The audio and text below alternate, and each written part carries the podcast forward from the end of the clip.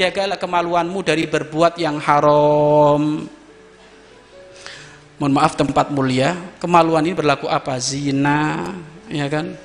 Kalau nggak zina naudzubillah midalik ada sekarang itu apa?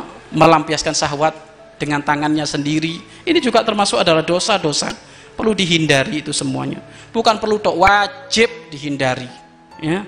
Dan sekarang zaman-zaman sudah risak zina kotor-kotor ternyata ada lebih parah daripada itu. Laki-laki dengan laki-laki perempuan dengan perempu perempuan. Ini juga kemaksiatan kemaluan. Itu dosa besar.